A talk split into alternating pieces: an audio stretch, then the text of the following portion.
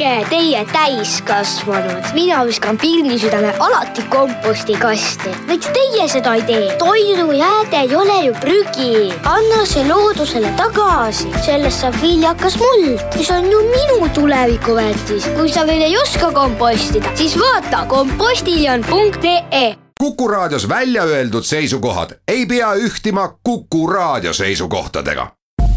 Te kuulate Kuku Raadiot.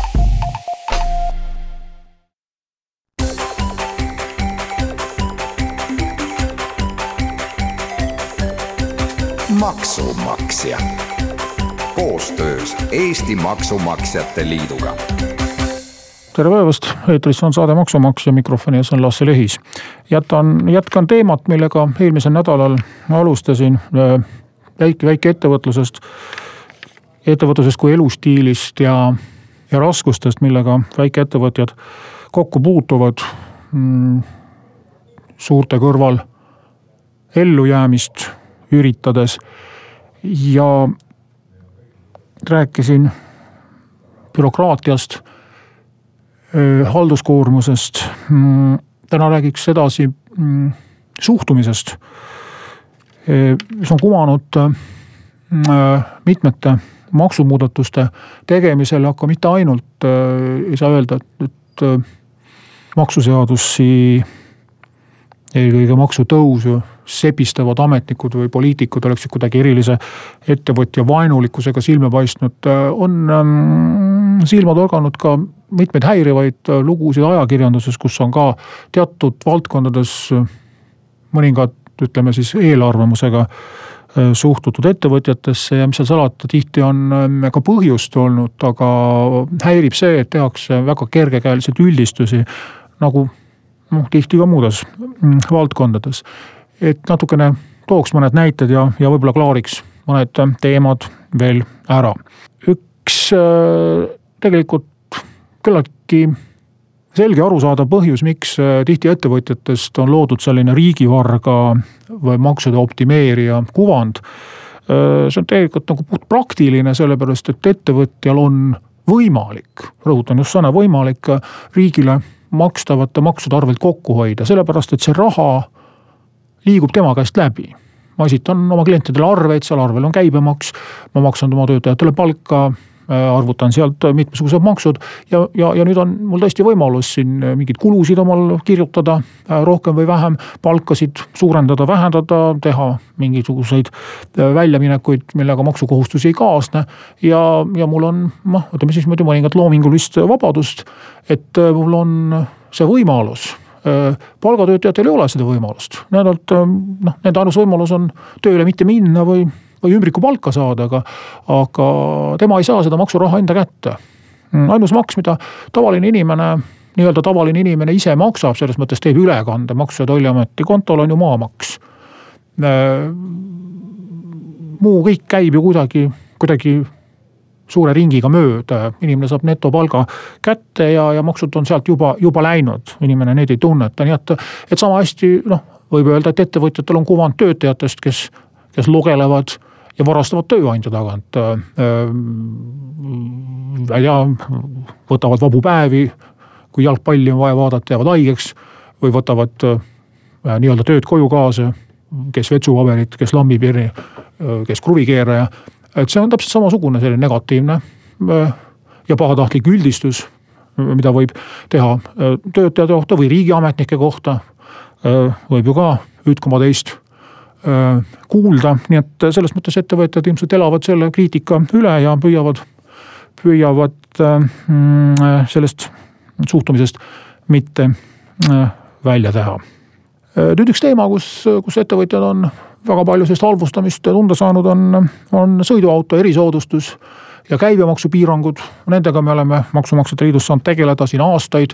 kahe tuhande neljateistkümnendal aastal äh, siin käibemaksuga seoses, kahe tuhande kaheksateistkümnendal aastal siis erisoodustusi ja sõidupäevikutega seoses. kus oli ka väga palju sellist oma mätta otsast äh, nagu sõnavõttu, et äh, mida kõike siis teised oma ilusate kallite autodega teevad ja võiksid teha praeguseks on see suurem hullus, tundub, et mööda läinud, aga, aga kripeldama jäigi jälle see, et et väga mm, tihti nagu unustatakse ära, et ettevõtluses tuleb autot kasutada märksa rohkem kui tavalisel kontoriametnikul või tavalisel tehasetöölisel, kes, kelle transport on hommikul tööle ja õhtul koju ja oma töökohal ta reeglina ringi ei liigu.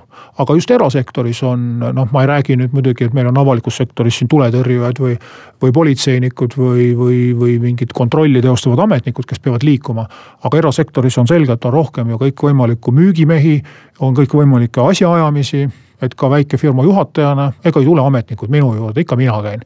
Nende juures oma muresid kurtmas ja, ja oma asju rääkimas, kui, kui just digitaalselt see suhtlemine äh, ei käi. et seda tihti ignoreeritakse, et äh,, et äh, kui palju siis neid sõitusid on on siis nagu tööga seotud, kui palju muude asjadega seotud ja loomulikult väikeettevõtja jaoks ongi väga raske eristada. ja tegelikult võiks olla paindlikum, võiks olla vastutulelikum ja võiks mitte kopikaid nii-öelda pooleks saagida. et kodus töötamine on ka mõne jaoks midagi väga kahtlast, mõne jaoks äh, võib-olla äh, iseenesestmõistetav. aga paraku on niimoodi, et kui mul ei ole raha või vajadust omale kesklinnas kallist büroopinda rentida siis ma töötangi kodus ja mina isiklikult töötangi kodus. ja see tähendab, et ma liigun ühest töökohast teise, kui ma oma kodust autoga kuhugi sõitma hakkan. täpselt sama, olen täpselt samas olukorras äh, kui inimene, kes oma kontorihoonest välja läheb ja autosse istub. Äh, lihtsalt selle vahega, et äh, see teine inimene ei maga seal kontorihoones. Mm, erinevalt minust, see ongi kogu, kogu vahe. kas see peaks nüüd siis maksustamist mõjutama?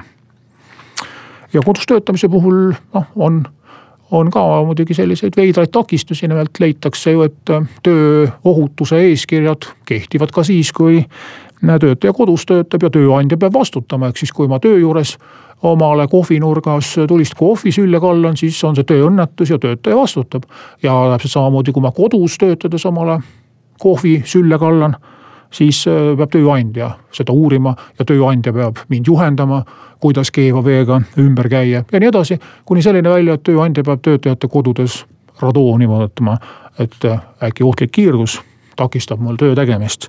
ega see mõtlemise koht äh, mm, vastutavatele ametnikele. kui rääkida kodus töötamisest, siis äh, hädas on ettevõtjad tihti olnud ka sellega, et äh, kas ja kuidas ja kui palju maksuvabalt näiteks kodukulusid saaks hüvitada ja siin on maksuameti suhtumine pehmelt öeldes konservatiivne, jällegi võib aru saada, kes ikka jõuab ja tahab neid mm, pisikesi kulusid kontrollida. seda enam, et tuleb veel inimesele koju minna vaatama, kas on eraldi töötuba või mitte, et see riivab juba eluruumi puutumatust.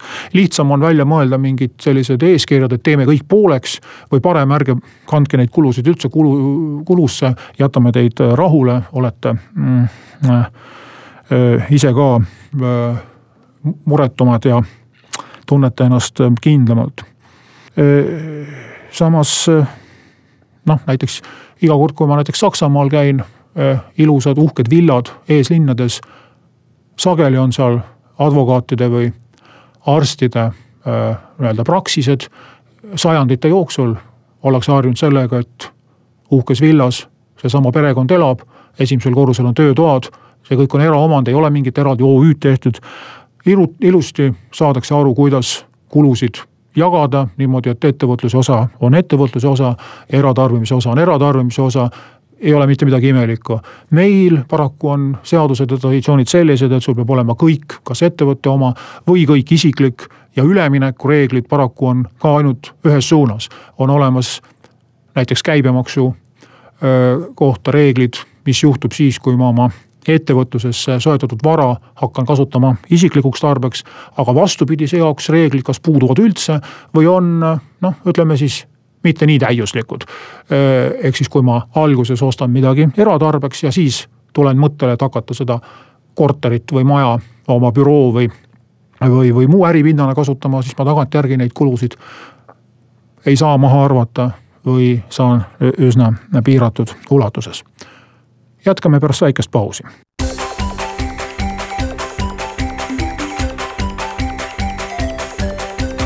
maksumaksja koostöös Eesti Maksumaksjate Liiduga.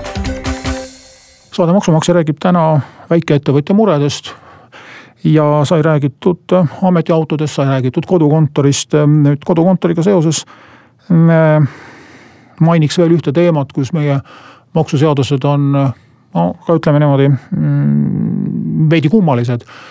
nimelt müües oma korterit või maja kehtib nõue, et kui ma olen kuni võõrandamiseni kasutanud seda oma elukohana, siis ma tulumaksu maksma ei pea. kui ma olen teda mingil muul viisil kasutanud just nimelt lõpuosas enne võõrandamist, siis ma pean maksma tulumaksu. ja näiteks kui mul tekib mõte korter välja üürida, kolin näiteks teise linna elama, korter jääb tühjaks, ei müü teda kohe maha, siis äh, võib äh, hiljem selguda, et ma olen üsna rumalasti käitunud mm,. annan korteri üürile, deklareerin korraliku inimesena ausalt tulumaksu. ja preemiaks selle eest siis pean maksma tulumaksu mitte ainult korteri üüritulult, vaid ka korteri müügitulult, kuna ma seal enam ei ela. ja kui ma olen selle korteri näiteks pärandusena saanud, siis ma maksan kakskümmend protsenti käibelt ehk äh, kogu müügihinnalt, kuna tulusid kulusid mul ei ole, soetusmaksumus on null, seda maha arvata ei saa. tagantjärgi võin ainult kukalt kratsida ja kiruda seda, kui loll ma olin, et seda korterit kohe maha ei müünud. isegi ei piisa üüritulust, võib olla veelgi jaburam näide, et äh, korter seisab mul tühjalt, müüa teda ei jõua, võileiva hinna eest ei taha äh, maha müüa.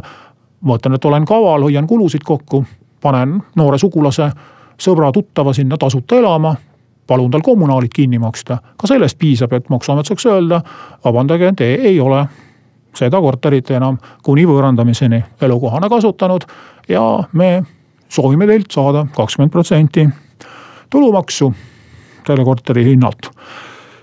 see ei ole nüüd küll ettevõtlusega otseselt seotud teema, aga näide sellest, et lihtsam jällegi väga paljudel juhtudel on lükata oma isiklik kinnisvara äh, OÜ-sse ja seal seda hallata, müügitulu sinna võtta, seda raha investeerida. ja kannatada siis võib-olla kaaskodanike kriitikat ja avameelitsemist, et äh, ma olen järjekordne maksude optimeerija. nüüd üks näide OÜ-tamisest ähm, millegipärast on noh, mitte ainult maksuamet, aga ka teiste riigiasutuste puhul kujunenud selline suhtumine, et äh, töö eest tuleb palka saada ja teenuse osutamine mingite ettevõtete kaudu midagi ääretult kahtlast. Äh, oli üks konkreetne näite, aastaid tagasi me maksumaksjas ka kirjutasime sellest. Mm, üks äh, kirjanik, ma ei hakka tema nime nimetama, see pole oluline, kutsuti kirjandusõpetajaks kooli nii-öelda osalise tööajaga ja ta oli nõus äh, tulema osaühinguna. et äh, tal on kulud sellega seoses äh, kodus töötamisega, et ta ei taha töölepinguga töötada, ta tahab osaühingu alt arveid esitada ja alguses koolidirektor ütles, et see on okei okay.. ja mingi aja möödudes kõrgemalt poolt oli tulnud teade, et ei, niimoodi ei saa, lihtsalt meie nii-öelda süsteem ei luba, öeldi, et vastutus hajub. Öeldi, et see on ebaeetiline, maksude optimeerimine ja nii edasi ja nii edasi. minul endal oli sarnane olukord Tartu Ülikoolis kus ma kakskümmend aastat ähm, lektorina ja dotsendina töötasin töölepingu alusel. Mm, aeg-ajalt siis tehti sellist, sellist nii-öelda lisatööd, et kus ülikool korraldas tasulisi täiendõppe kursusi erinevate juriidiliste valdkondade esindajatele ja kutsuti mind siis lektoriks. ma teatasin, et väga tore, et kui teeme äri, siis teie teete äri, meie teeme äri. minu mm, noh, tookord oli tegemist mittetulundusühinguga. noh, polegi siin vahet, esitab arve, tunnitasu on selline. seal öeldi, öeldi ei, ülikoolis kehtiv kord ei võimalda. rektor on välja andnud käskkirja, kus on öeldud, et töötajad saavad lisatasu, mida makstakse, maksustatakse kõikide maksudega. selle peale ma ütlesin, tore, et aga ärisuhe on vastastikune, et kui teile minu tingimused ei sobi ja minule teie tingimused ei sobi, siis jääb diil ära ja diil jäigi ära. loengut ei toimunud, seda koolitusprogrammi ei tehtud, et äh, ei ole mõtet selliseid endale kahjulikke siduvaid eeskirju välja mõelda. Äh, veel võib mm, tuua mõningaid näiteid, äh, kus meil on veidikene, võiks öelda nõukogudeaegne suhtumine veel meie maksuseadustes, näiteks äh, millegipärast arvatakse, et kui töötaja Äh, mingeid kulusid teeb, et siis äh, alati teeb need, katab need tööandja, töötajal endal nagu ei ole vaja selleks, et töö juures edukas olla, mingeid kulusid teha. Äh, või et kõik tööriistad saab ta kuskilt tasuta või teeb nii-öelda haltuurat ja seepärast meil ka väga paljude tulude puhul ei ole kulude mahaarvamise võimalust, sest arvatakse, et ei olegi neid kulusid. Mm, või et ma olen kuskilt, no kasvõi näiteks isikliku sõiduauto kasutamine, mille eest on võimalik kolmkümmend senti saada iga läbitud kilomeetri eest tööandjalt hüvitist. siis see on tegelikult bensiinikulu hüvitamine või noh, täpsemalt siis kütusekulu hüvitamine, aga seda, et nagu auto ise ka midagi maksab, et ma ka selle eest võiksin maksuvabad kompensatsiooni saada, et mul auto amortiseerub, selle peale ei ole keegi tulnud et kas ma olen selle auto siis nagu tasuta saanud või, või, või, või, või milles see asi on, aga, aga tegelikult jah, see, see süsteem ei ole nagu päris täiuslik ja kui ma tõesti ka rendilepingu teen selle auto peale, siis tuleb sealt jällegi hakata tulumaksu maksma.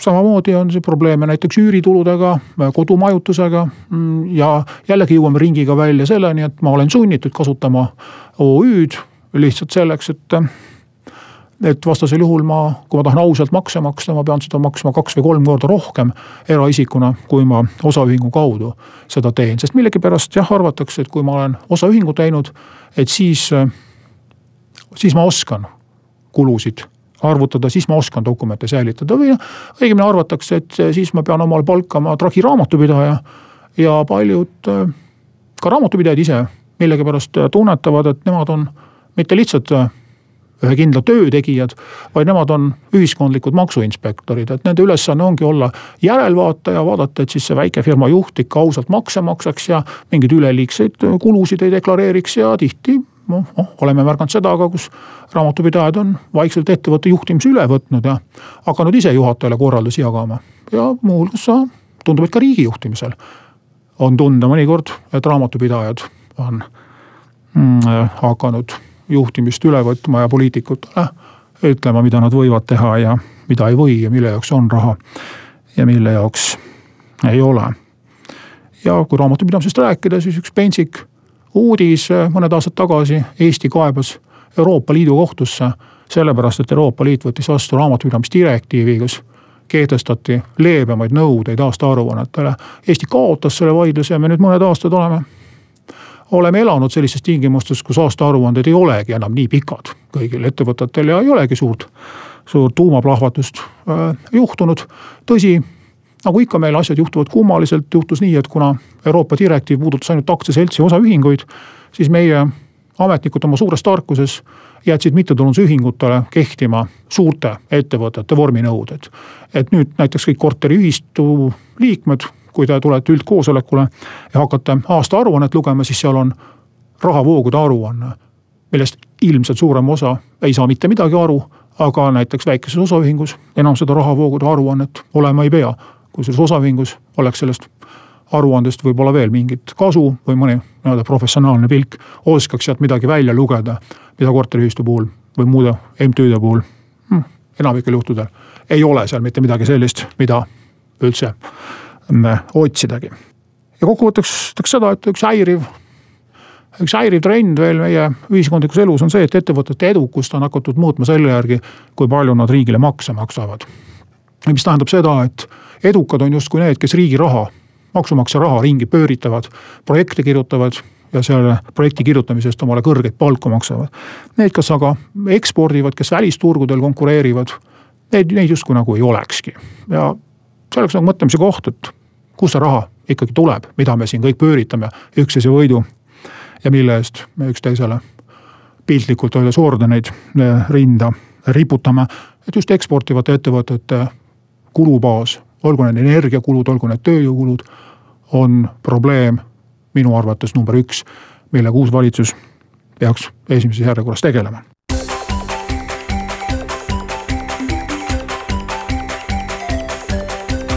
Maksumaksja. Koostöös Eesti Maksumaksjate Liiduga